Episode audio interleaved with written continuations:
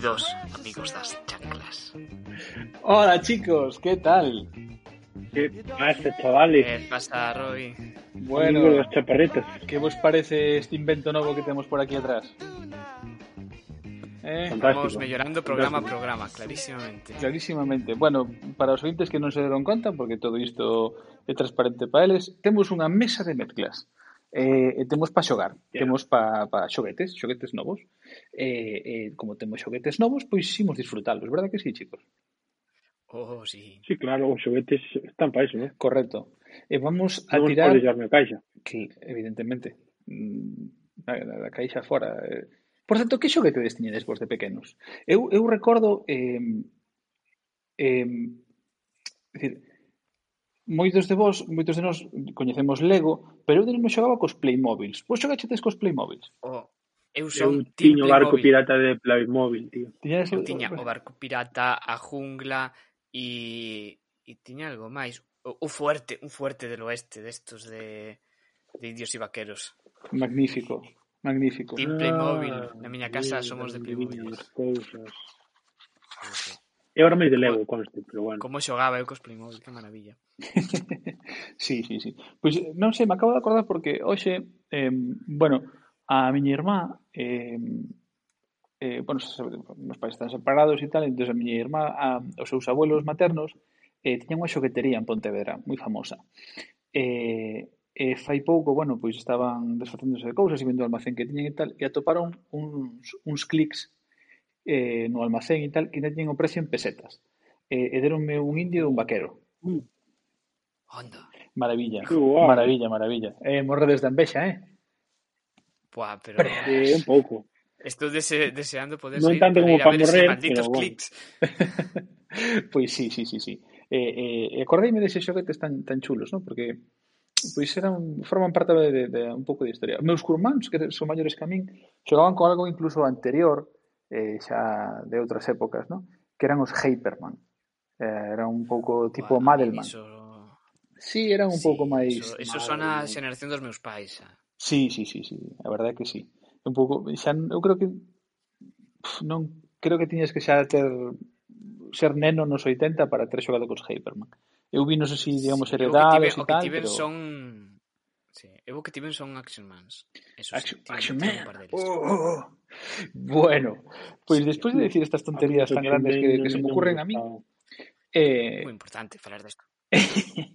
Creo que temos que empezar a, a mirar as nosas recomendacións das plataformas virtuais, non, chicos? Mm, vale, venga. Porque, muy bien, porque bueno, mm, quedan ben, son baratas, eh, estamos consumindo moita merda nos. Eh, vamos a empezar eh, con Lois Blanco. Oh. Uh. E por qué? Eh, porque tirei un dado que non tirei en realidade, porque non os collín, ah, vale. e decidín así. Ah, vale. Pero, ah, vale, bueno, polo da bueno, espera, democracia, pero vale. espera, espera, tens razón. democracia? De que me falas? Con Lois Blanco. Vale, fantástico. Pois eu traía vos, así en vos, en xeral, unha serie que me sorprendeu, a verdad, que se chama mm, eh, Gemstone. Bueno, en, en castelán é Los Gemstone. Los, los, los, los gemstone, que isto é algo que eu quería pedirche, que é, ¿eh? se si me podes traducir os títulos ao inglés, que é algo que me parece divertido a min. Uh -huh. eh, eh, que claro, en inglés eh, ten algo máis, porque é de, de Raiteus The Ra Gemstones. The Righteous Gemstones. Pois basicamente ven sendo este, os, este. os, os, os boss gemstones. Righteous é aquela persona que se cree ou é eh, dereita ou boa, basicamente, non? Como Dios manda, aquí no, no, so, Ah, no noso linguaxe. Pois pues, pues mira, eso ben fantástico, porque xusto eles son predicadores Uh -huh. destes míticos que hai en Estados Unidos. Dicir, son unha familia que ten un, un negocio de de predicadores e tamén telepre, Uh -huh. telepredicadores Sí. moi famosos que, que teñen xente que os, que os sigue tanto en, en, en congresos como es, con, con este tipo de cousas son empresarios importantes da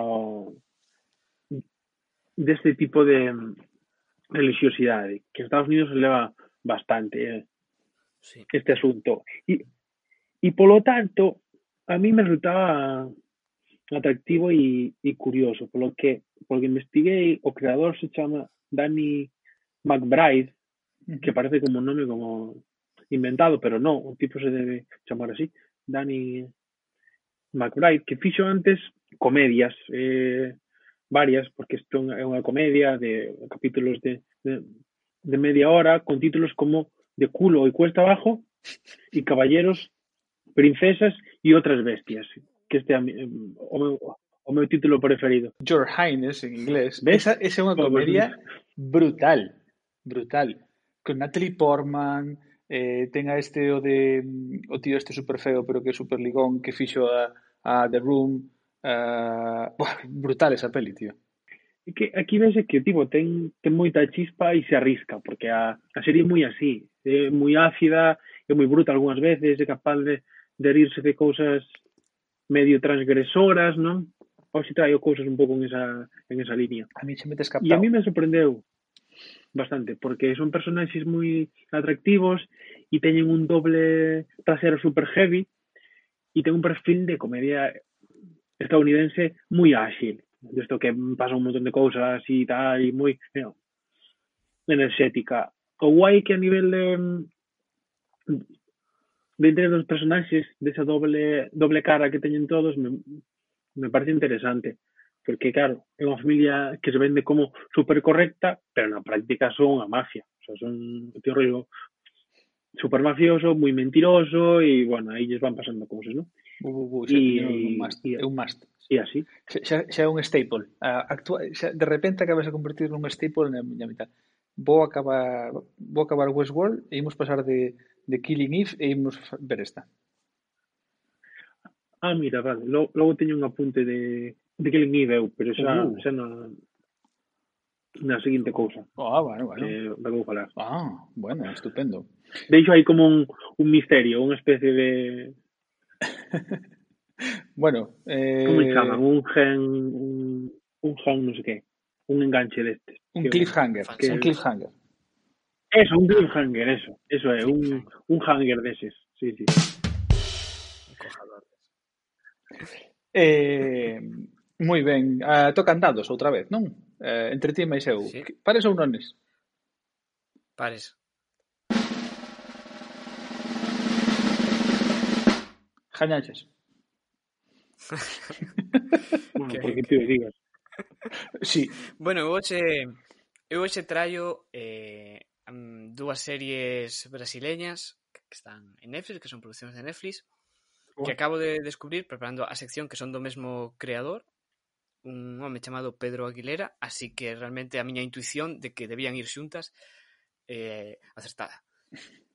Eh, a primeira delas é eh, 3%, que foi a primeira serie brasileña que rodou Netflix, e ademais da, das primeiras produccións que fixeron que non estaban en inglés, porque a serie está rodada en, en portugués, bueno, en, en brasileiro, non? E, e o mesmo pasa con 3% tamén. A mí o que me gusta da, da serie vou falar primeiro de, de 3% nesta ronda, é que, que a serie está feita sin sin ningún tipo de medo e con moita cara, non? Porque plantea, digamos, un, un futuro distópico, está ubicada aí dentro das, das distopías, E sempre parece que un xénero como moi dado os americanos, como queres traballar un moito. E aquí, en cambio, está contado a distopía digamos, co, cos, con moitos elementos eh, da cultura brasileña. Entonces, eh, é fácil identificar os, os problemas actuais que pode haber en Brasil e que están que están traspasados a serie. Entonces isto a distancia moito das americanas e lle dá un, un punto especial e un interés diferente, creo. A min me enganchou moito dende o principio. Eh, basicamente a serie plantea que hai un mundo distópico onde existe un un paraíso, un lugar especial, donde todo está bien, donde hay comida y todo es estupendo y lo más de lo más. Y en cambio, o resto da población, o 97% restante, vive pues en, bueno, pues nun sitio que podemos identificar coas favelas, ¿no? en zonas moi marginales, con casas de ladrillo e moita miseria. Entón, anualmente, fan unha proba de selección para os eh, as persoas que ese ano cumplan os 20. E desa proba de selección, o 3% que consiga superar, o sea, pasan o, a ese lugar. Uh -huh.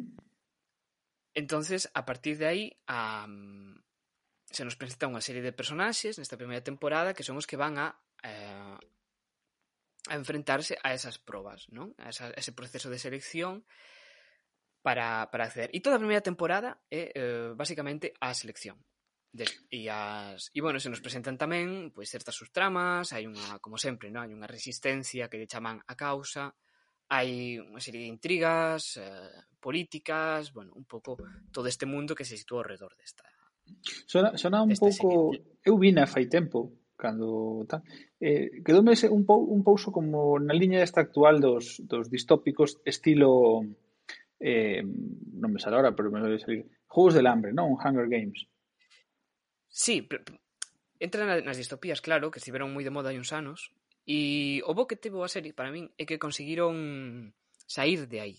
E uh -huh. sucesivas temporadas, van tres temporadas, está confirmada a cuarta, sucesivas Correcto. temporadas as tramas que se plantean nesta inicial eh, aumentan e crecen por outros lados. Entón a serie, cada uh -huh. temporada é completamente diferente. Seguimos os mesmos personaxes, unha serie de personaxes que son principais, Pero vemos como cambian, se enfrentan a distintas situacións e o proceso este de selección é nada máis que un punto de arranque.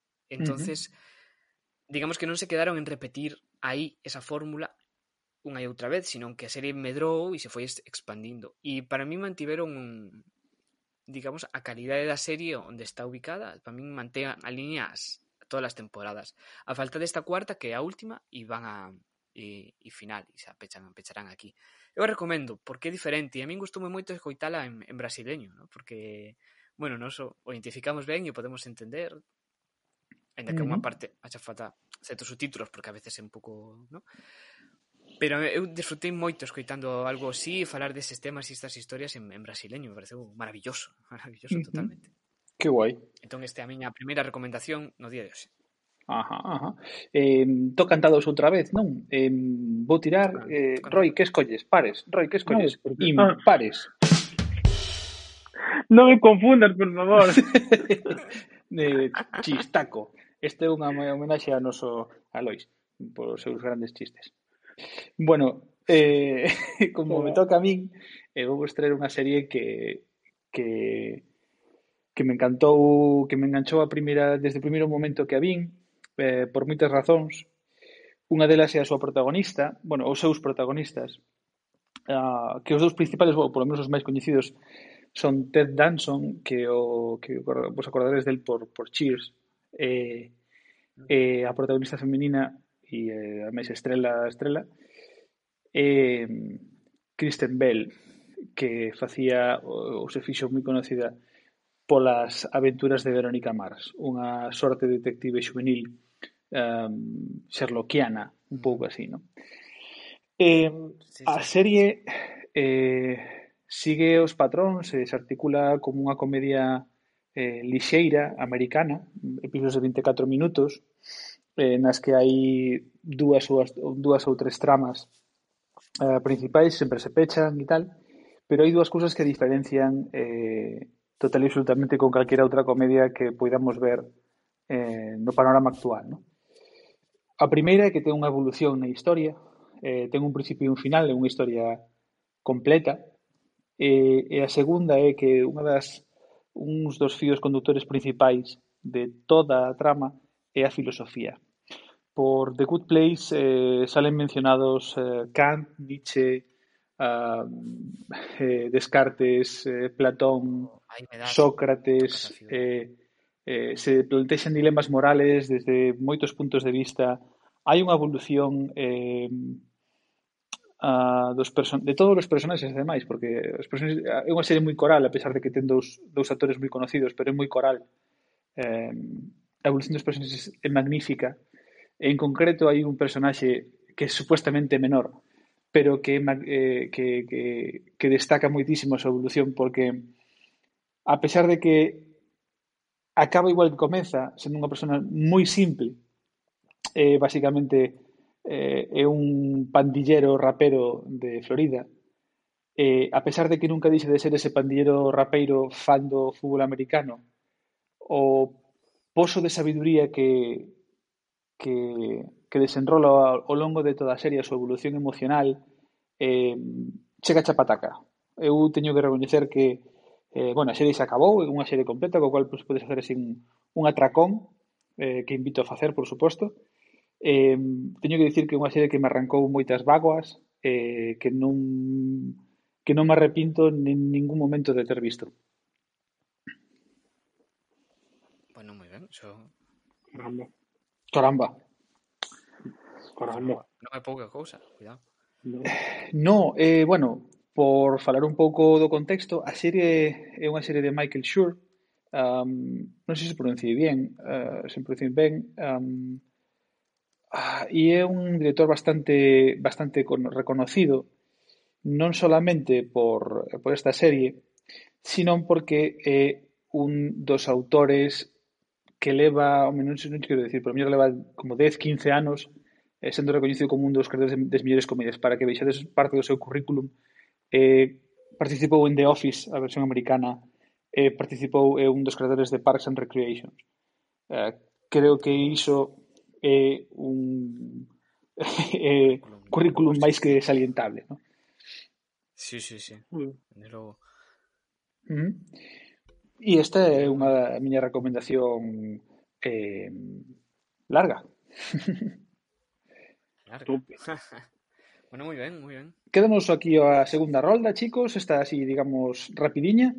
Cantas queredes facer? Unha, unha cortiña, unha ronda corta ou dúas rondas cortas? Eu, eu creo que unha, non? Bueno, unha, unha, xa, unha, unha. Que así temos material para máis días, non? Sí, eu creo que hai que, bueno, hai que saber dosificar, por... é moi importante en esta época de dosificar. Sí. pois veña, TikTok, TikTok, sí, sí. TikTok, TikTok, TikTok, TikTok. Lois,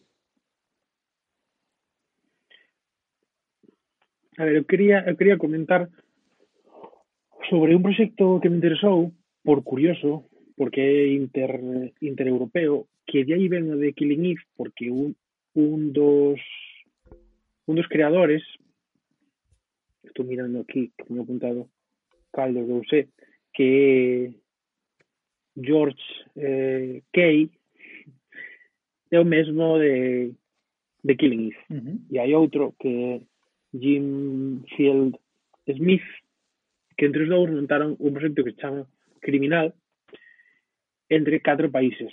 Uh, España, Alemania, Francia e Reino Unido. Uh -huh. Entón son 12 capítulos en total. Si non me fallan as contas, son son tres Son tres por, por, por país, non? en cada país.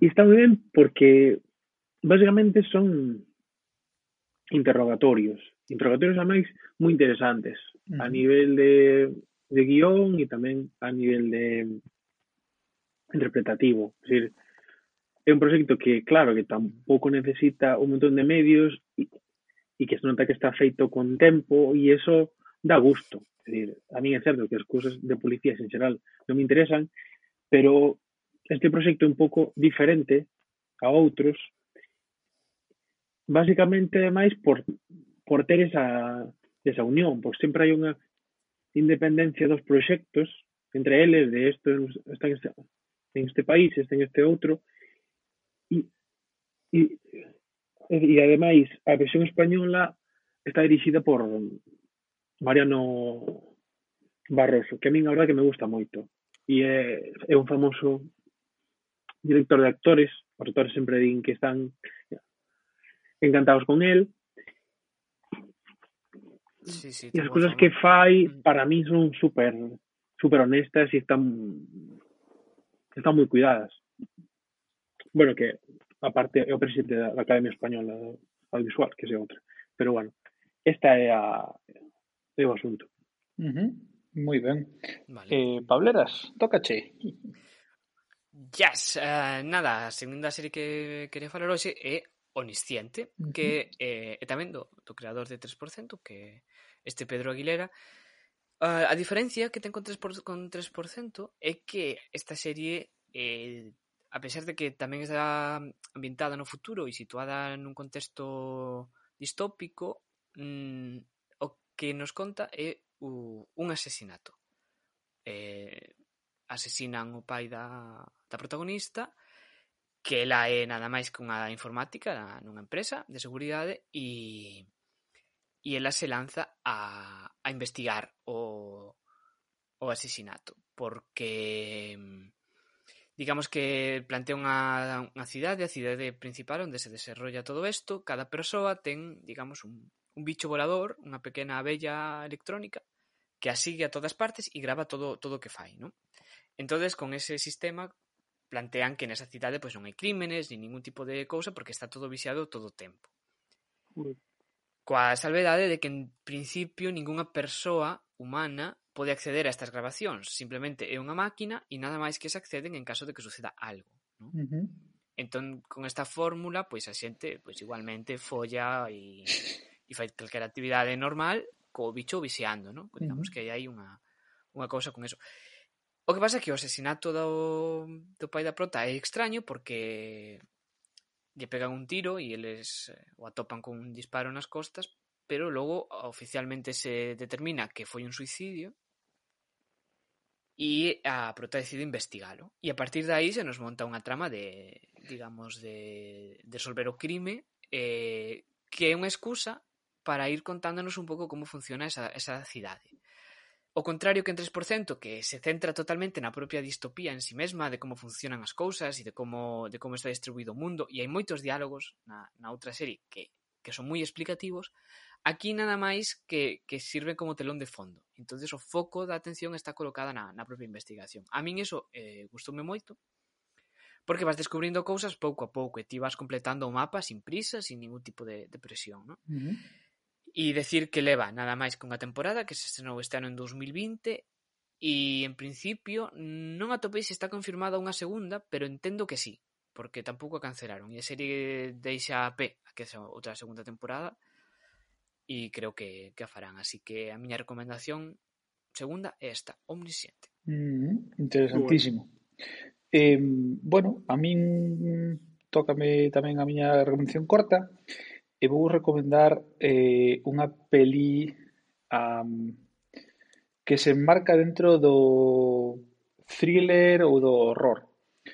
Vale, eh, chamase Don't Breathe, eh, No Respires, de 2014, está en Netflix, para quen a queira ver, evidentemente, é do director eh, Fede Álvarez.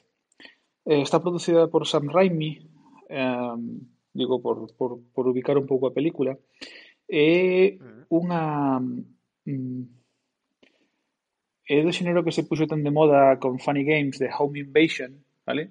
Pero ten un mm-hmm. twist moi interesante e aquí é que o twist é que os, o, o, o malo da peli é o invadido. Entón, eh, ah. non rompe nada, non vos preocupedes, algo que se ve desde o principio, pero a peli está firmada con un pulso magnífico. A verdade é que Fede Álvarez é un deses directores eh, dos que se ves a súa produción podeste mm, mm, sorprender de que biches máis cousas, non? Por exemplo, se traballou máis veces con, con Sam Raimi eh, para o remake de Evil Death, moi divertido, moi ben feito. Um, e, e, bueno, pois eso, que é unha peli moi recomendable, moi ben filmada, eh, a quen lle guste un pouquiño o, o cine así de, de, thriller pois é moi disfrutable e as interpretacións están moi ben feitas que por certo, solo tamén para, para acabar de acotar, o malo é Scott Lang, que moitos o recordaredes por ser o antagonista de Avatar. Oh. Uh -huh. oh. E mete moito medo. Moito medo mete o tipo. Eh, listo. Bueno, acabamos unas rondas rápidas de recomendaciones en Netflix. Eh, vuelve a tocar sacar un dado virtual para, para que empiece, para que comience, los ejercicios. Entonces, um, bella, hacemos el redoble porque me gusta cómo queda. Allí. Eh, vaya a tocar a Pablo. En Bocachanclas, con Pablo Carrera, O Rincón de Simón.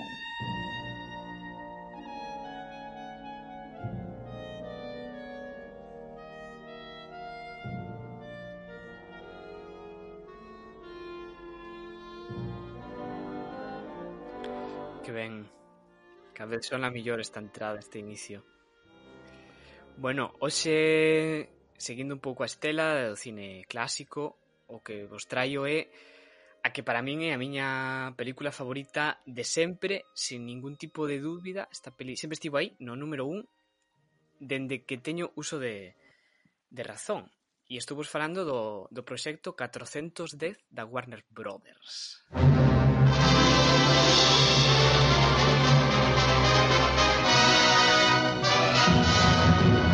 ¿Sí? 410. Sí, sí, sí. É que me fai moita gracia como- que, que se que se conserve o, o, o número de produción, que foi a, a, o proxecto 410 que fixo a Warner. E sí, efectivamente, tal e como estaredes adivinando, porque isto é un dato que coñece todo o mundo, estou a falar de Casablanca.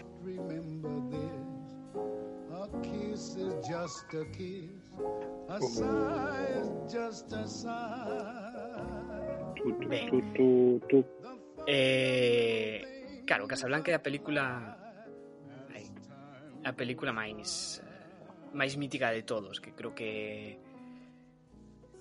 que non hai clásico máis clásico que Casablanca, ou polo menos está no top 5 de superclásicos de, de sempre, non? Eu quero, quero comenzar, porque, bueno, desta peli xa se falou moito e xa se dixo todo o que se pode decir, hai centos de documentais, reportaxes, entrevistas, libros escritos, puf, moitísimo material, incluso o artículo de, de Wikipedia está moi ben, está moi completo, ten moitísima información, estive no repasando, porque creo que como todos entramos sempre por Wikipedia as cousas, e me parece que o portal está estupendo, está moi ben traballado, en castelán e en inglés, nos dous idiomas hai moita información e está moi ben. Eu quero quero un pouco falar a nivel personal, porque eh, creo que é bastante significativo. Eu um, Non sei en que momento da miña vida escoitei falar de Casablanca, creo que unha película que sempre estivo aí, de fondo, de alguna forma, iso sonaba a, a cine, non? E lembro que cando era, cando era pequeno na miña casa non houve internet ata que eu tiven, creo que 14, 13, 14 anos.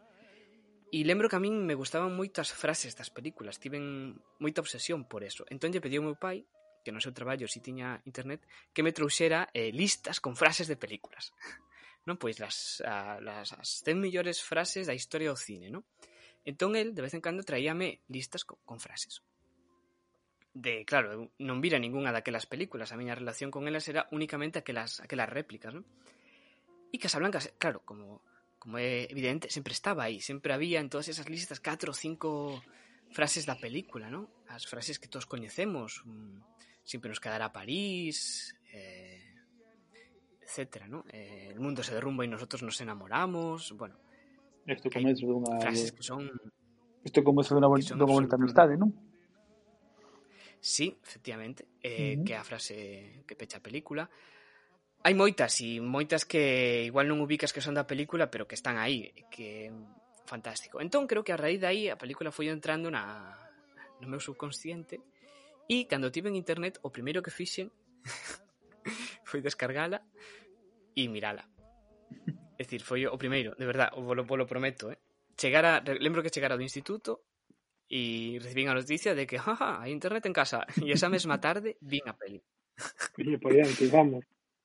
Foi o, foi o primeiro que fixen, podo, podo dar, vamos, seguro, foi así, en plan, nada máis que comín e logo me puxen a, a peli.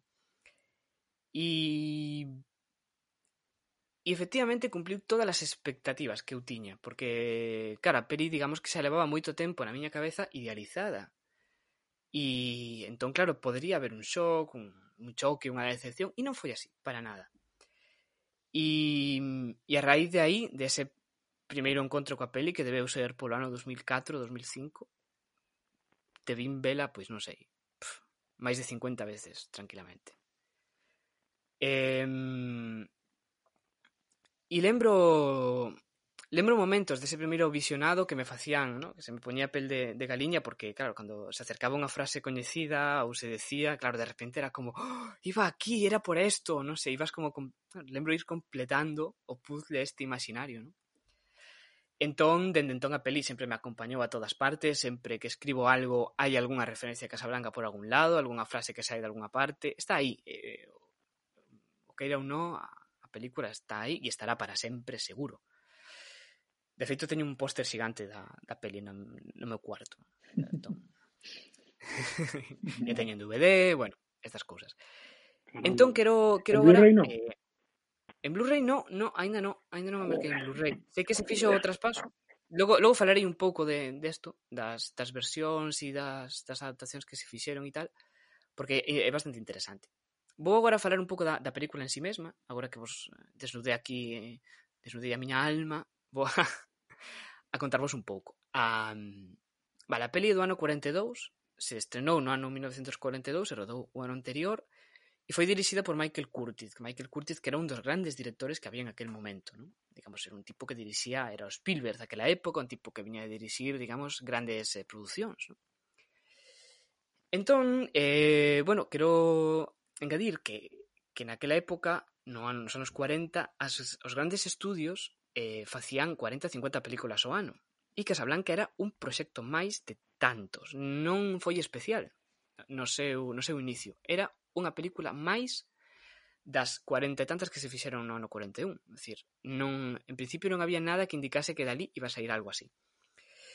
E como os, os actores formaban parte dos estudios, como xa expliquei no, no audio anterior, estaban a nómina, eh, os, os dous actores principais, tanto Humphrey Bogart como Paul Henry, eles eran, eran parte do estudio, e Ingrid Bergman acabou rebotada na Warner porque a, a Warner e creo que a Paramount fixeron un intercambio entre ela e Olivia de Halliban.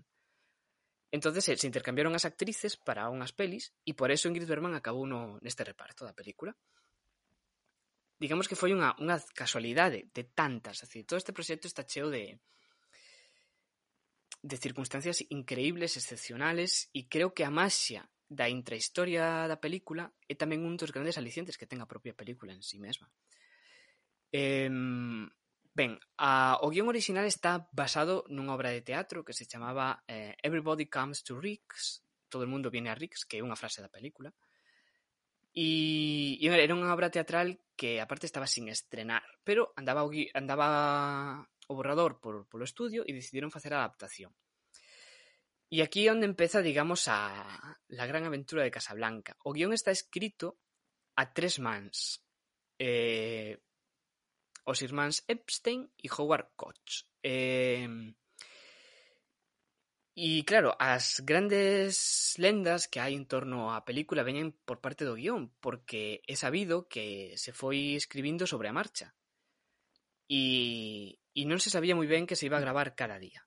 Toda a película eh, se grabou en interiores, que eran eh, decorados de, do estudio da, da Warner. Entón, cada día aparecían os guionistas con unhas escenas novas e tiraban para adiante. E isto foi foi moi caótico porque non se sabía moi ben como se iban a, a resolver as tramas, que o que iba a pasar, entonces había unha gran incógnita todo o tempo. Quero aquí facer un, un pequeno desmentido porque aínda que esta incógnita si sí existía, porque digamos que que non sabían como iba a ser o final, eu creo que aí é onde hai que facer o, o fincapé. Non é o como. O como era o que non se sabía, pero o que sí. Porque había dúas cousas que pesaban para poder supoñer como iba a rematar. O primeiro era un código de conducta que tiñan os estudios e eh, nel se estipulaban certas cousas que non podían pasar nas tramas. A película é un triángulo amoroso, un triángulo amoroso entre Rick, Ilsa eh, uh -huh. e Víctor Laszlo. Eh, Ilsa e Víctor están casados e no código de, de conducta americana daquela época era imposible que ese matrimonio se, se pudese romper era imposible que ela abandonara o seu marido por outro home. Isto non podía pasar. E ademais, a propia obra de teatro remata como remata a película. Entonces, digamos que a única incógnita posible eh, e que sí que eles tiñan era o como se iba a resolver, pero non o que. Na esencia, ese final, eh, digamos, a idea dese final sempre va estar, era in, inmovible. Claro, o como é, é a clave, eu creo que o final de Casablanca é talvez o final máis eh, recordado de todos, con todos eses xiros de guión e, e o inesperado que era na época, non? Eh, ainda que isto agora sabemos que é así e que existían estas ferramentas, a xente da época non, non o sabía e entonces eh, era sorpresivo, non? Que, que o protagonista abandonase a la chica, que se sacrificase, que les marcharan xuntos, claro, isto foi a hostia, foi un bombazo, e foi unha das cousas que, que mantiveron a película, eu creo que co paso do tempo, non? Decirvos que, ademais da peli e da, da propia, do propio guión, hai varios elementos que eu quero destacar e que normalmente non se falan moito, que é, por exemplo, a dirección de, de foto A, a fotografía da película é absolutamente brillante. O director de fotografía eh, fixo un traballo particular co personaxe de Ingrid Bergman e aplicaba uns filtros e uns brillos especiales a cando ela aparecía en pantalla. E iso é o que lle dá un, un carácter como frágil e medio fantasma, fantasmal no sentido de, de ángel, ¿no? como un anxo que andaba por ali, que brillaba. E E creo que non se recoñece o suficiente a fotografía na película, porque incluso os decorados, que eran bastante cutres, vamos a decir, eh, conseguiron facelos pasar por unha por, eh, por ese exotismo que podía ter Marrocos gracias á fotografía e, ao, traballo coas sombras, unhas sombras que se van volvendo máis duras a medida que avanza a película, que empeza sendo completamente blanca e acaba na oscuridade absoluta, ¿no? Porque se recordamos o primeiro plano de Casablanca é o ceo aberto e o plano final eh, e a néboa no aeroporto, no? con esa mítica imaxe de Bogart camiñando por ali. E hai un, unha progresión constante cara a isto. E, e creo que non se, non se fala o suficiente da fotografía en Casablanca. Pero... Eu recordaba como algo maravilloso. A verdade, vine moi poucas veces Casablanca, dúas ou tres, pero sempre recordo ese halo de, de, de, de maxia que, que ten, ten a película. E, e a, a forma de... Sí, sí o ten, parece... Sí, sí. Non digo que nada, é eh, simplemente que o a recordo que teño visual de, da, da fotografía dos, dos, dos protagonistas mentre que falan é máxica. Realmente é magnífica magnífica. Sí, Casablanca é, é cine, non? Son a cine na súa esencia. E, bueno, ainda que ahora ao final vou a falar un pouco das, da repercusión que tivo e dos, das adaptacións posteriores e todo isto quero quero pasar antes de, de nada por dúas cousas. O primeiro son uh, un segundo desmentido. Aquí soy como el, os polígrafos estos, ¿no? Eh, veño a desmentir o, a, o da frase.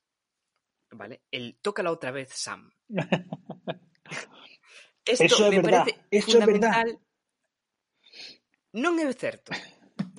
Esa frase non se nunca. Bah. Jamás nin, nin na versión en castelán en ningún dos dous doblaxes que hai, nin en inglés. Esta frase é unha confusión eh, que se provoca por a obra de teatro pola obra de teatro que escribe Woody Allen nos anos 70. En. Sueños de un seductor, o título original é Play it again, Sam, que é unha referencia á peli, pero que a esa frase non se pronuncia. O que se pronuncia en boca de, de Ingrid Bergman é Play it, Sam. Play as mm. time goes by non se di isto, nin no doblaxe. Eh, a doblaxe en castelán di eh, toca la SAM, toca el tiempo pasará. Entón, eh, me parece moi importante desmentilo porque é quizáis a frase máis coñecida da película, a xente a asocia inmediatamente e non é certo que non se pronuncia en ningún momento. Eh, incluso tiven un profesor de cine nunha etapa extraña da miña vida que estudiei cine que decía que, que, que, se decía a frase. Yo estaba absolutamente enfadadísimo porque me parecía un insulto. Es decir, tío, non biches a peli, non jodas. ¡Payaso! ¿Sabes? Eh, ¡Ambrécil! Eh, non, unha cousa así como... Sí, sí. Eh, claro, que son destas cousas que máis é que non, non o podes discutir. A frase non se di e xa está. fin, entendo que se non biches a peli non o saibas, pero é que non se di. E quero, quero aclaralo porque me parece moi importante. É curiosísimo porque forma parte do, do noso imaginario popular, pero totalmente, vamos, o sea, eu creo que lle preguntas sí, totalmente, o... totalmente. É desas cousas eh, que forman parte da, da cultura xeral. Eh, non sei, como sí. Quixote ou Romeo e Julieta, que dubido que moitos eh, leran a ninguna das dúas obras, polo menos a día de hoxe, pero todo o mundo ten clarísimo cal é a, cal é a historia completa, o sea, bueno, cal é a historia básica do, do tema, non?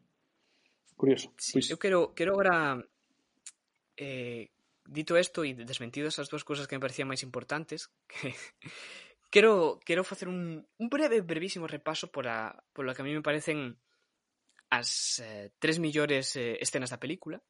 Uh -huh. Eh, empezo polo, polo, polo principio, a propia presentación de, de Rick, o personaxe de, de Humphrey Bogart, esa, ese primeira imaxe que temos del, eh, progresiva, xogando axedrez, fumando... Eh, a min me, me parece fantástico. Um, esa primeira escena está moi ben, porque nos presenta o personaxe de maneira brillante, pero a min esa, esa primeira introducción de Bogart ali, que ademais logo se repetiu moitas veces, infinitas as cantidades de veces os personaxes empezaron a presentar así, por unha acción, por o brazo, por un xesto e logo a cámara panea ata ata o primeiro plano. Eso empezou en Casablanca. Eh, logo, para min, a segunda escena que máis eh, que máis me gusta eh, é o final, uh, o final final, non a conversa final entre Bogart e Berman, que, que é moi famosa, que está moi ben. A mí me gusta moito máis a, a última a última liña que ti mencionabas antes, eh, a de Este é es o comezo dunha hermosa amistad, parece maravilloso, coa música, mentre se les camiñan. Pero para min o momento máis grandioso que ten a película, a, a escena que a min de verdade me toca de verdá, polo menos neste momento da miña vida, é cando eh, os alemáns están no, no, no café cantando unha, un himno destos nazis. eh, chega Víctor, empeza, anima o café a que canten a Marsellesa, E claro, que nese momento como é moi conflictivo, os músicos miran cara a Rick como esperando, digamos, permiso para facelo, non? E nese momento Bogart dá dous pasos cara a cámara e asente coa cabeza. E comenzan a, a tocar e, e gañan, digamos, esa batalla simbólica que hai ali dentro. E a min ese momento de Bogart asentindo a cámara me parece lo más. É brillante, sublime, me parece fabuloso. E ademais foi un plano que se grabou a posteriori porque a escena eh, non acababa de ter sentido. e varios días despois gravaron solamente eso. E me parece que define o personaxe perfectamente, porque é a primeira vez en toda a película que Rick toma partido. Un tipo cínico, amargado, que non quere saber nada das movidas que pasan fora, que non sei que, que, se, que mira por sí mesmo, e é a primeira vez que se posiciona uh -huh. na película. E me parece fabuloso, e a mí me, me, me maravilla ese momento. Que maravilla. E para, para, para pechar, Xa, eh, varias cousas, eh, moi breves. Decir que a película eh, gañou tres Óscar no seu ano, mellor película, mellor guión e mellor dirección que as homenaxes posteriores son múltiples, hai moitas películas que se fixeron en homenaxe. Hai unha dos irmáns Marx que recordaredes que se eh, Unha noche en Casablanca, que se fixo dous anos despois. Eh, curiosamente, eu non o sabía, descubrín que que se fixo, se intentou facer unha serie de televisión nos anos 80, okay. nada máis se emitiron, se emitiron tres capítulos e parece ser que era un completo desastre. Eh, a incluso intentaron intentouse facer un musical dúas veces intentouse facer un musical que tampouco funcionou creo que ni siquiera se chegou a estrenar e iso era un desastre ¿no? ah, bueno, polo musical non é tan mala idea eh, a obra de teatro original que, que se basou a peli sí, sí se estrenou pero non funcionou e a verdade é que pff, creo que a ninguén lle importa esa obra de teatro xa está superada por a película en todos os sentidos Eh, dende o principio sempre houve rumores de posibles secuelas, eh, incluso o estudio no seu momento se planteou en serio facelo, pero afortunadamente non. Tamén Madonna intentou facer un remake da película nos anos 60 protagonizado por ela. Madre mía. Eh, e tamén nos anos 80 se fixo unha versión coloreada. Eh, un, unha época aí de, que estivo moi de moda facer coloreados das, das, das pelis e se fixo un coloreado de Casablanca e o fillo de, de Bogart uh -huh. dixo unha frase tremenda dixo eh, que si querían colorear Casablanca tamén deberían poñerlle brazos a Venus de Milo que heavy, ¿no? sí, entonces visto todo isto a, a película foi inscrita nun, nun registro que teñen os, os americanos que ahora non, non atopei o nome exacto pero eles fan un, fan un, un registro de, de películas que son intocables e que non se poden modificar, nin alterar, nin, nin nada desto. o sea, nin colorear, nin retocar os efectos especiales, nin nada. Para, digamos, para, que, para conservarlas tal cual e que non se non, non se vexan alteradas. E aí está a película hoxe en día, o único que se lle fixo foi o paso a alta definición que, que se fixo fai uns anos para Blu-ray e non é particularmente eh, vin algúns análisis e non é particularmente eh, como decirvos, eh, increíble. Digamos que xa a versión en DVD está moi ben exportada, está moi ben configurada e, e o Blu-ray non lle saca moito máis partido. Eh, algo sí, claro, evidentemente, pero decir que a diferencia non é particularmente alta. Uh -huh. E, e ata aquí quero, quero quería falarvos do proxecto 410 da Warner eh, agardo que, que, que vos entraran ganas de vela outra vez eu pon a ver esta noite, de logo e traspasaros un pouco o, o meu entusiasmo para a peli unha película que, que me encanta e fantástica en todo. Igual fago máis programas eh, falando de Casablanca igual só de algún aspecto concreto, non? E profundizar máis nun, nun punto. Bueno, hai moito que rascar, como sempre. Está a camiño de cumplir os 80, dentro de dous anos eh, será o 80 aniversario. E así que agardo que sairán material, como sempre, e será un bon momento para tes moito vicio, para que eh. nova xeneración coñeza coñeza a peli, non? Pablo, tes moito vicio, eh. Sí, sí. Todo es vicio pero, pero vicio del bueno Sí, sí. Bueno, rapazotes, chegamos ao final. Oh. ¡Hasta luego, Boca Chancla! Chao, Chao, chao.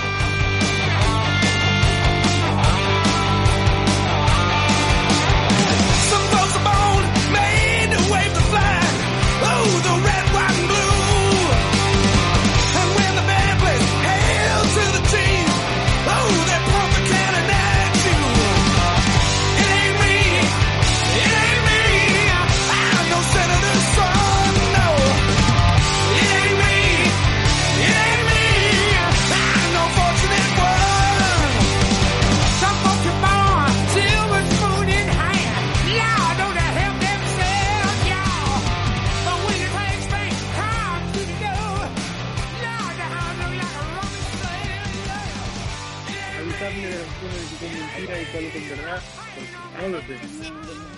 Yo bailando esto, tengo que, que acostumbrarme. Oh, oh, oh, oh.